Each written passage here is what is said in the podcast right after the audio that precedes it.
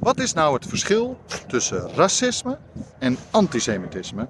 En waarom zouden ze beide hard moeten worden bestreden?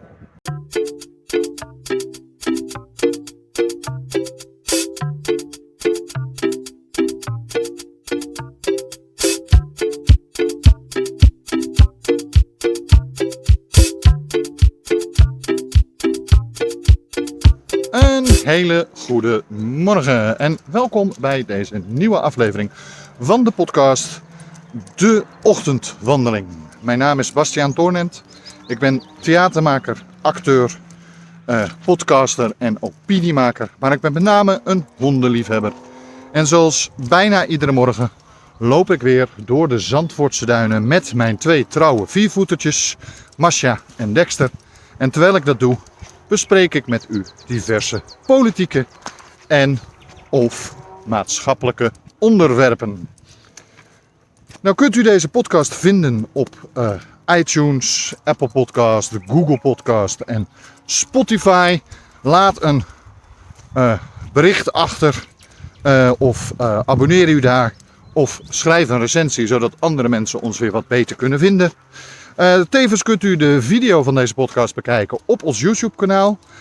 Eh Bastiaan Torenent. Abonneer u daar, subscribe en like. En nou ja, daar kunt u ook een reactie achterlaten.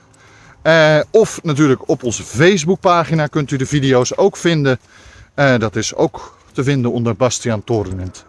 En tevens kunt u alles vinden op onze website. Zowel de audio als de video's. En natuurlijk ook nog veel meer informatie over wat wij doen en welke projecten we doen, et cetera. Eh, kijk dan even op onze website www.torenent.nl.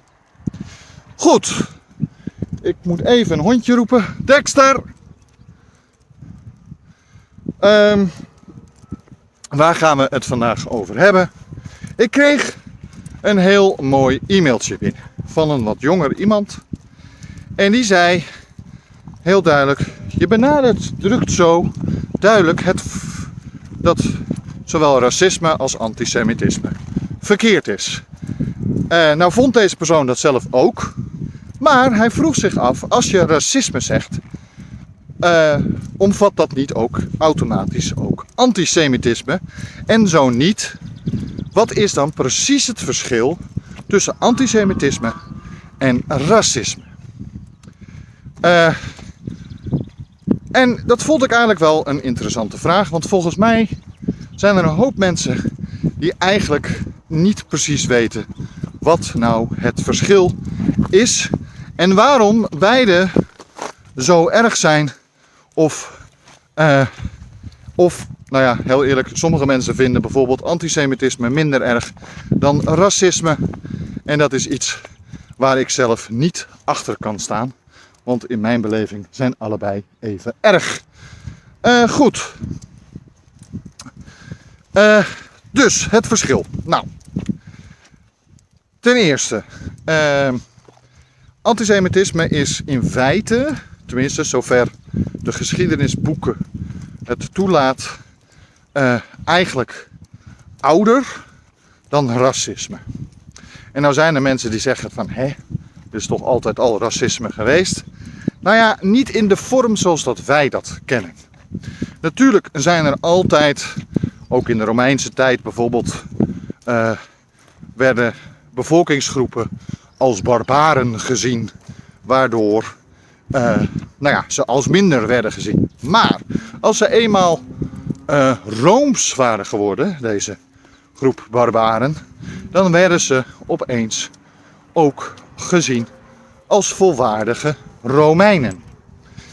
Eh, en kleur zagen de Romeinen al helemaal niet. Er zat geen verschil in of je nou blank, zwart of wat dan ook waren. Zelfs tot aan de middeleeuwen was dit zo. Want bijvoorbeeld werd er vanuit, eh, hoe heet het, vanuit eh, eh, de christelijke kerk, werd er wel gezien dat Israël was natuurlijk ingenomen door de Turken, door de Moren en zo. Maar ze werden niet als minder gezien. Nee, er werd zelfs soms gedacht dat zij verder waren, aangezien de Moren toen die tijd beschikten over bijvoorbeeld de Turken, bijvoorbeeld buskruid. En het duurde nog even een tijdje voordat de westerse cultuur datzelfde buskruid tot hun beschikking hadden. Het gaat er een beetje om dat er toen toch naar dit soort culturen uh, nou ja, niet per se neer werd gekeken. Ze werden wel gezien, en daar zit natuurlijk wel een vorm van klein racisme in, dat zij heidens waren. Uh, dat het aanbidden van nou ja, op een gegeven moment Allah en dergelijke natuurlijk nog steeds ook werd gezien als nou ja, uh, niet het ware geloof. Dus in dat opzicht werd er wel neergekeken op deze bevolkingsgroepen. Maar dat had niets te maken met de kleur die deze mensen hadden. Dus zwart, wit, geel, etc. maakt niet uit. Uh, want, nou ja, dat speelde veel minder. Geloof was eigenlijk hetgene wat het meest bestaat. Dus je kan wel zeggen dat er al racisme was toen die tijd. Uh, maar dan in geloofstromingen eigenlijk. Uh, het ene geloof werd gezien als minder dan het andere geloof. Uh, en ze hadden allemaal zogenaamd de waarheid in pacht. Uh, en nou moet je het zo zien dat moslims minder werden bestreden door de christenen dan bijvoorbeeld Joden of bijvoorbeeld later de zogenaamde ketters. Want ketters, ja, heel eerlijk, die werden nog meer gezien alsof zij godslastering deden uh, dan dat moslims deden. Um, en daarin is er dus, nou ja, eigenlijk heel eerlijk, niet echt veel racisme geweest in die periode. En natuurlijk, als er een stam ergens werd ontdekt die heel barbaars was, dus minder ver was, nog in hutjes woonde en weet ik veel wat, dan werd er wel op zo'n stam neergekeken. Maar eigenlijk als zo'n stam blank zou zijn geweest, hadden ze net zo hard op deze groep neergekeken. Nou, antisemitisme bestond wel al. En dat bestond al in de Romeinse tijd. Het feit dat, en misschien zelfs al voor de Romeinse tijd, al zijn daar wat minder dingen van bekend. Het feit dat zij, dat, er, dat de Joden een ander geloof hadden uh, en ook mochten beleiden, dat is op zich uniek. Maar daarmee werden ze wel altijd gezien als dat vreemde volk. Uh, de ene keizer was anders dan het andere. Maar Joden zijn heel vaak vervolgd door ook de Romeinen, zeker in de beginperiode. Op een gegeven moment kwamen de Romeinen erachter dat toen zij het land bezet hadden, dat het vervolgen van Joden niet erg handig was, aangezien uh, ja, ze nogal een opstandig volkje waren en ze op die manier continu problemen hadden in uh, Jeruzalem. Uh, terwijl toen zij nou ja, de Joden toestonden om hun eigen geloof te houden, et cetera, uh, toen ging dat een heel stuk beter wat betreft ordeverstoringen en dergelijke. Die zijn er altijd wel geweest, want de Romeinen werden gezien als bezetters. Maar het gaat er even om dat het antisemitisme tegen Joden is in vlagen geweest tijdens de Romeinse tijd al.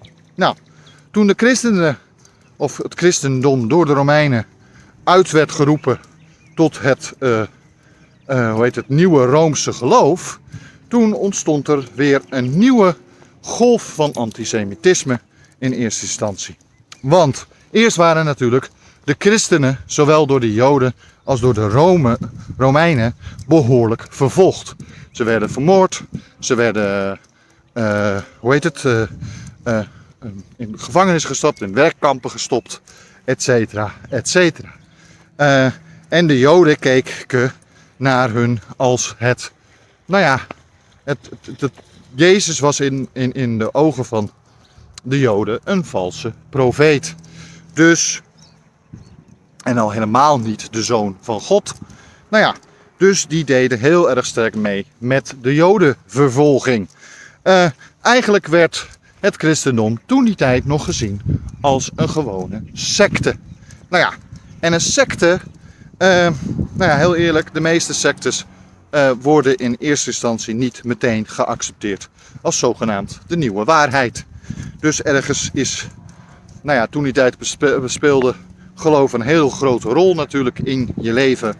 Uh, ergens is het heel logisch dat de christenen in eerste instantie uh, nou ja, min of meer vervolgd werd, omdat het zogenaamd valse prophecy was. Nou, uh, ik zeg niet dat het goed is, ik zeg niet dat het goedgekeurd is, maar er zit een soort logica aan. De tweede logica kwam toen de christenen uiteindelijk toch het nationale geloof werd van Romeinen. Nou, is dat natuurlijk nogal. Uh, nou ja, het is nogal bizar gebeurd, het hele uh, christendom, dat het uiteindelijk toch het nationale geloof werd. In eerste instantie leek het daar helemaal niet op. Er zijn verschillende theorieën over bij de historici, want dat is nog wel verschillend. De ene zegt dat uh, het geloof in Simon, dat is een andere Messias, die in de Bijbel wel bekend staat als Zwarte Simon, maar in principe was dat onder de slaven het grootste geloof. Dat uh, de keizer Constantijn eerst dat geloof wilde uh, uitroepen tot nationaal geloof. Alleen vlak voordat dat gebeurde kwamen de slaven in opstand en stond heel Rome in de fik. Ja, toen kon hij natuurlijk dat geloof niet meer uh, adopteren als nationaal geloof. Dus toen heeft hij maar de keuze gemaakt voor het christendom, wat wat populairder was en iets minder populair onder de slaven dan, maar wel onder de knechten en ook langzamerhand steeds meer onder de adel binnen Rome. Nou, dat is één van de theorieën. Er zijn ook theorieën dat Constantijn eigenlijk gewoon het hele christendom geloof om heeft gezet naar zijn eigen hand. Uh, het, uh, ze hadden in het Romeinse, ik ben de naam, volgens mij is het Mecenas, uh, was een Romeinse god, volgens mij. Ik weet niet zeker of die naam klopt. Maar goed, dat was de god van de zon.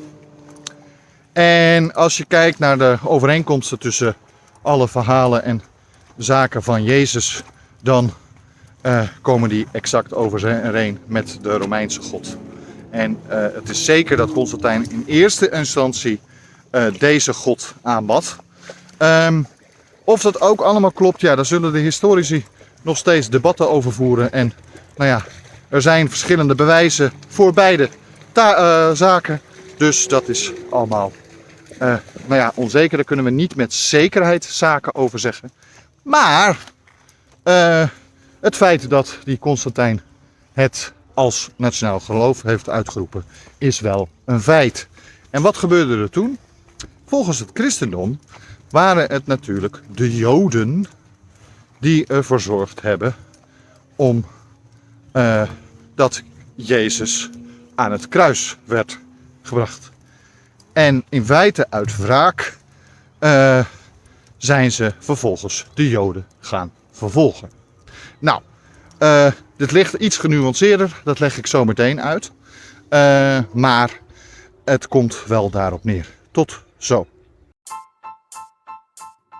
Hallo, mijn naam is Bastiaan Toornent en dit is Uit de Schulden, de weg van de meeste weerstand. In deze verhalende podcast vertel ik over hoe ik uit de problematische schulden wist te komen, ondanks de vele vooroordelen, onbegrijpelijke bureaucratische processen en het misdadige overheidsbeleid waar ik tegenaan liep. De podcast en het achterliggende project moeten verandering bewerkstelligen in de vele problemen waar mensen in de schulden tegenaan lopen. U kunt zich abonneren op deze podcast via Spotify, iTunes, Google Podcast en vele andere podcastplatformen. Ik wens u alvast heel veel luisterplezier. En welkom terug. Wilt u nou meer informatie over Uit de Schulden, het hele project, etc. Kijk dan gewoon op onze website Of uh, wilt u nou vriend worden van de show? Dat kan ook via onze website uh, door een eenmalige donatie te doen. Kijk dan even op www.torenent.nl. Goed, de christenen gingen dus de Joden vervolgen. Eigenlijk uit een soort wraak, omdat zij zogenaamd de reden waren dat Jezus was vermoord. Nou is daar natuurlijk, nou ja, de enige contexten die je hebt zijn een paar geschriften van de Romeinen en de meeste zijn dan van christenen zelf en dan zijn het meestal uh, de Bijbel momenteel. En ja, in hoeverre je daarop kan vertrouwen. Ik bedoel, de eerste evangelie is bekend dat het 60 jaar na Christus pas is opgeschreven. Uh, en die versie is niet eens, die, dat evangelie is niet eens in de Bijbel zoals wij hem nu kennen verschenen. Uh, dat moet ik even uitleggen. Kijk, daarom is de uh, reden dat Constantijn en de Romeinen gewoon gedacht hebben dat ze uh, misschien zelfs hun eigen gedeelte van hun geloof van hun zonnegod uh, gewoon op Jezus hebben geplakt, op het christendom. Uh, want zij hebben in, nou ja, tot 300 jaar na Christus, hebben zij langzamerhand de evangelie uh, samengesteld. Dexter, kom op! Kom! En uh, dat hebben ze gedaan uh, door middel gewoon de, die evangelie uit te kiezen die voor hen het beste paste. Uh, en misschien ook wel het beste paste bij het beeld van nou ja, zogenaamd hun eigen zonnegod. Nou, dat ze dat gedaan hebben is op zich vanuit een onderdrukkersmodus vrij logisch. Want wil je dat mensen meegaan in jouw uh, onderdrukking of dat het goed is, dan moet je ze gewoon uh, via geloof bepaalde regels opleggen, et cetera, et cetera. Dat is gewoon handig. Nou, uh, op zich is dat logisch, maar daarbij komt ook gewoon dat er zoveel verschillende stromingen waren binnen de christenen. Ik bedoel, je hebt zelfs, die is niet zo lang geleden gevonden, het uh, Maria Magdalena uh, evangelie. En het grappige daarvan is, is dat in de gewone Bijbel komt Maria Magdalena juist over alsof zij een hoer is. Uh, terwijl dat in de Maria Magdalena bij, evangelie natuurlijk niet zo is. Daar is vrij duidelijk dat zij de vrouw uh, van Jezus is. Dus dat zij getrouwd is met Jezus. Uh, bovendien heb je zelfs, uh, en die vind ik zelf eigenlijk best wel interessant, ook nog de Judas-evangelie. En die vertellen het verhaal van het hele verraad, et cetera, van een uit een ander aspect. Dus het feit dat de Romeinen toen die tijd de evangelie hebben samengesteld. Dat is niet zo gek. En uh, als ik heel eerlijk ben, uh, ja, uh, ze wilden gewoon het geloof gebruiken als een vorm van hun onderdrukking. Kom op, Masja. Masja, deze kant. Hup. Nou ja, in ieder geval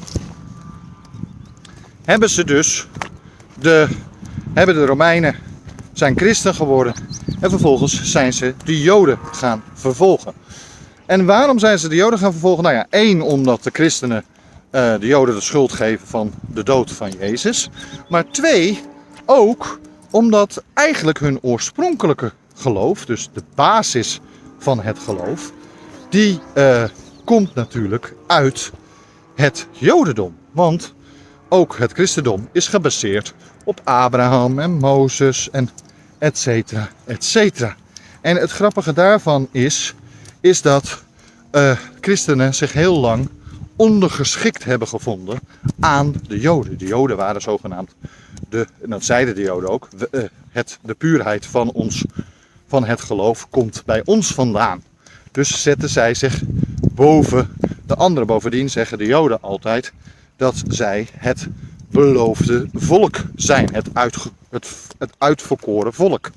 En ja, dat is natuurlijk wel een steek uh, naar de christenen en de moslims toe. Waardoor je natuurlijk krijgt dat die uh, zich, nou ja, ze hebben het gevoel dat de Joden op hen neerkijken. Het is niet zo dat Joden dat per se doen, maar het is hetgene, het gevoel wat deze christenen en de moslims dan hebben.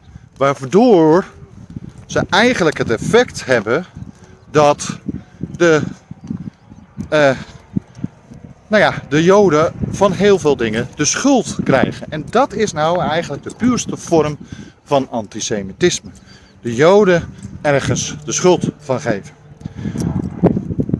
Uh, dit is een beetje een lang verhaal, maar in principe uh, komt het erop neer dat antisemitisme dus veel ouder is als het racisme.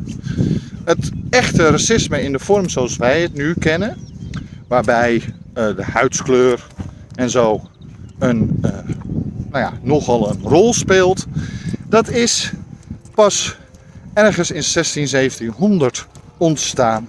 En vooral met de slaven ontstaan. Want als jij slaven wil houden, uh, dan, uh, en dat zijn alleen maar zwarte of uh, bruine mensen, dan moet je natuurlijk het voor jezelf en voor, nou ja, voor de mensen vergoeilijken.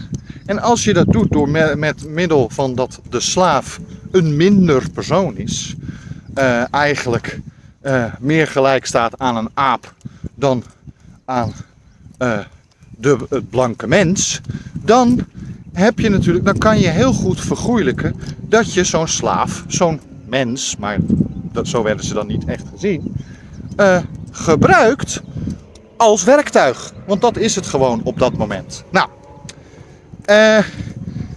kijk, er was bij de Romeinen en ook bij de Grieken, was er ook al slavernij. Uh, slavernij is al zo oud als Methuselem. Maar het verschil is, staat dat je daar ook als blank persoon uh, slaaf kon zijn. Als Romein zelf. Ook al was je zelfs in Rome geboren, ook al was je zelfs van een hogere familie, je kon als slaaf worden gemaakt. Uh, dan moest je er wel, als je uit een hoge familie kwam, moest je er wel heel erg naar gemaakt hebben. Maar het kon wel. Je kon slaaf worden. Um, en dat is uh, een arme, die deden het soms bewust. Die gingen dan 10 jaar of 20 jaar als slaaf werken. Ze verkochten zichzelf als slaaf, zodat hun vrouw en kinderen tenminste geld en een onderkomen hadden. Uh, dat was in de Romeinse en Griekse en dergelijke tijd. Maar pas in 1700, eigenlijk pas toen wij Nederlanders, wij zijn een van de grootste uh, slaventransporteurs geweest. Toen wij Nederlanders, Engelsen en Portugezen en zo aan slavenhandel gingen doen.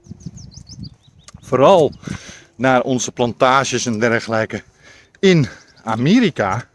In het nog niet zo lang ontdekte Amerika. Toen kwam er dat er een tweede rangs volk of stand, of eigenlijk zelfs een derde rangs, want je had natuurlijk de lage, je had de adel en dan had je daaronder nog de slaven. En die hadden helemaal geen rechten. En op die manier is eigenlijk het racisme tegen zwarte of bruine mensen ontstaan. Althans, zoals wij het nu kennen. Dus zo oud is dat racisme nog niet eens. Zo'n 400, 500 jaar oud op die manier. Daarvoor zal er gerust altijd wel racisme hebben bestaan. Ik zeg niet dat het niet bestond. Maar het was niet in de grote getalen aanwezig zoals dat nu nog steeds is. En zeker niet op huidskleur, eerder op geloof. Nou, antisemitisme is al heel, heel oud. Jodenvervolging is al heel, heel oud. En nog steeds is het zo dat antisemitisme, het is een vorm van racisme. Het grootste verschil is, is dat Joden de schuld van zaken krijgen. Um, en dat maakt de Joden niet eigenlijk op dat moment een tweederangs burger. Maar het maakt de Joden een uh, zogenaamd uitgekiend volk. Kijk naar de huidige complottheorie. Als je daarnaar kijkt, hoe vaak Joden daar wel niet de schuld van krijgen, ehm, dan betekent het niet dat Joden juist dom waren of een minder volk. Nee, alsof de, de Joden alle regeringen uh, beïnvloeden, et cetera, et cetera. Daar komt het uh, vooral vandaan. Uh, en dat is eigenlijk de vorm van antisemitisme. En ja, tuurlijk heb je ook groepen die echt neerkijken op de Joodse bevolking. En dat valt ook gewoon onder antisemitisme. Maar het grootste verschil is met racisme, is dat met racisme wordt je kleur van je huidskleur of dergelijke, uh, of misschien zelfs de oorsprong van je geloof, want je ziet het met moslims natuurlijk heel vaak, wordt er meteen gedaan alsof dat uh, derde rangs burgers zijn. Mensen die minder rechten hebben, uh, verachtelijke, idiote ideeën hebben. En bij de Joden gaat het heel vaak niet eens om hun ideeën, maar omdat ze bijvoorbeeld, nou ja, uh, het is niet eens helemaal waar, maar goed, er wordt heel vaak gezegd: de Joden zijn heel goed in financiële toestanden. Uh, de Joden zijn standaard gierig. Nou, dat, dat zijn vooroordelen over Joden die eigenlijk helemaal niet kloppen. Maar het wordt nog steeds heel vaak gezegd. En daarom hebben, krijgen ze nu ook de schuld van de vaccinaties bijvoorbeeld. Uh, zie je, ze hebben de corona uitgevonden. Dat is letterlijk gezegd, corona uitgevonden. En doordat ze de corona hebben uitgevonden, kunnen ze nu vaccinaties verkopen. Of ze, uh, uh, zijn ze nu als eerste helemaal gevaccineerd. Kom op, Basje. et cetera, et cetera. Dat is antisemitisme. Nou, waarom moeten beide bestreden worden? Omdat het gewoon fout is. Oh. Moet u voor uw werk veel moeilijke gesprekken voeren en weet u niet hoe u die moeilijke boodschap over moet brengen? Moet u straks weer presentatie gaan geven en weet u bij God niet wat je met uw handen moet doen? Misschien bent u er wel achter gekomen door de vele Zoom en Microsoft Teams meetings dat u niet goed overkomt op camera. Of heeft u sowieso moeite om voor grote groepen te staan en te spreken? Dan hebben wij bij Torenent voor u de oplossing. Onze professionele acteurs en theatermakers en bedrijfstrainers hebben diverse trainingen ontwikkeld voor bedrijven en particulieren. Wij kunnen u helpen op het gebied van presentaties, spreken voor groepen, slecht nieuwsgesprekken, camera-interviews en nog vele workshops en cursussen op het gebied van theater en podcasting. U hoeft nooit meer te twijfelen wat u nou met uw handen moet doen en u hoeft ook nooit meer verkeerd over te komen op camera of in een gesprek. Kijk dus voor meer informatie op www.torenent.nl of neem direct contact op via trainingen.torenent.nl. Mijn excuses voor de kleine onderbreking. Ik moest even met de hondjes ingrijpen. Goed, um, wat ik dus zei. Het feit dat. Kijk, neerkijken op mensen, daar weten de meeste mensen wel van ja, dat is gewoon fout. En zeker als je neerkijkt aan mensen alleen maar om welke huidskleur ze hebben of waar ze oorspronkelijk zijn geboren, et cetera, et cetera. Dat heeft natuurlijk helemaal niets te maken met of je nou minder bent of meer bent. Uh, heel eerlijk, er zijn veel meer Chinezen op aarde dan blanken er zijn, et cetera, et cetera. Over een paar jaar zal bijvoorbeeld in Amerika ook er meer zwarte en Hispanics zijn dan blanken. Dus in hoeverre zijn wij dan zogenaamd beter? Nou, daar slaat helemaal niks nergens op. Blanke of zwart of bruin of geel of wat zou je pimpelpaars zijn, dat maakt allemaal geen verschil. Dat is één. Twee, mensen, een groep mensen de schuld geven omdat zij nou eenmaal goed zijn in bepaalde dingen, of omdat zij nou eenmaal uh, ja, een bepaald geloof hebben waarbij zij het uitverkoren volk zijn. Wat op zich uh, natuurlijk heel goed is voor dat geloof zelf. Ik bedoel, als jij gelooft dat jij het uitverkoren volk bent, dan uh, ga je ook sneller dingen uh, accepteren van die God. Want jij bent toch de uitverkorene. En ten tweede ga je ook proberen zo goed mogelijk te presteren. Nou, daar zie ik zelf ook niet veel fout mee.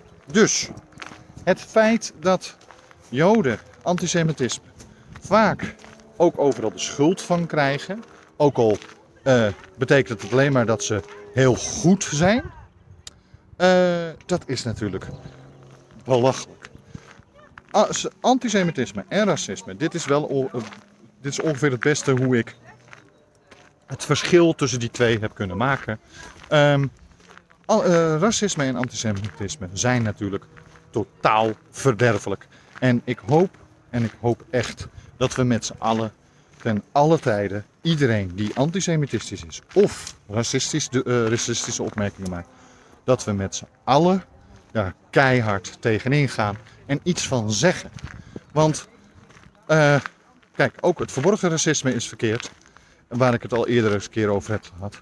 Maar gewoon echt mond uit racisme en antisemitisme is hoe dan ook verkeerd. En daar zouden we als uh, nou ja, ontwikkelde samenleving zo ver mogelijk van weg moeten proberen te blijven. En ik vind het stuitend dat er een partij in de Tweede Kamer zit die zowel antisemitistisch als racistisch is, gewoon openlijk, en dat dat gewoon geaccepteerd wordt. En ik heb het natuurlijk over vorm van democratie. En ik vind het heel ook stuitend dat er een andere partij is die continu één bevolkingsgroep, de moslims, uh, behoorlijk benadeelt. En daar ook in uh, uh, nou ja, heel racistisch is. En dat dat ook maar gewoon geaccepteerd wordt. Dat zouden we niet moeten accepteren. We zouden antisemitisme en racisme ten alle tijden moeten bestrijden. Dat is mijn mening. Nou, kijk voor de podcast op Spotify, iTunes, Apple Podcasts en Google Podcast. Kijk op onze website www.torenent.nl voor meer informatie. En kijk op onze YouTube kanaal of op ons uh, Facebook pagina voor de video.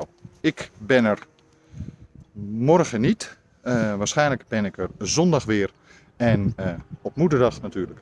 En ik wens u in ieder geval een fijne komende dagen. Tot snel.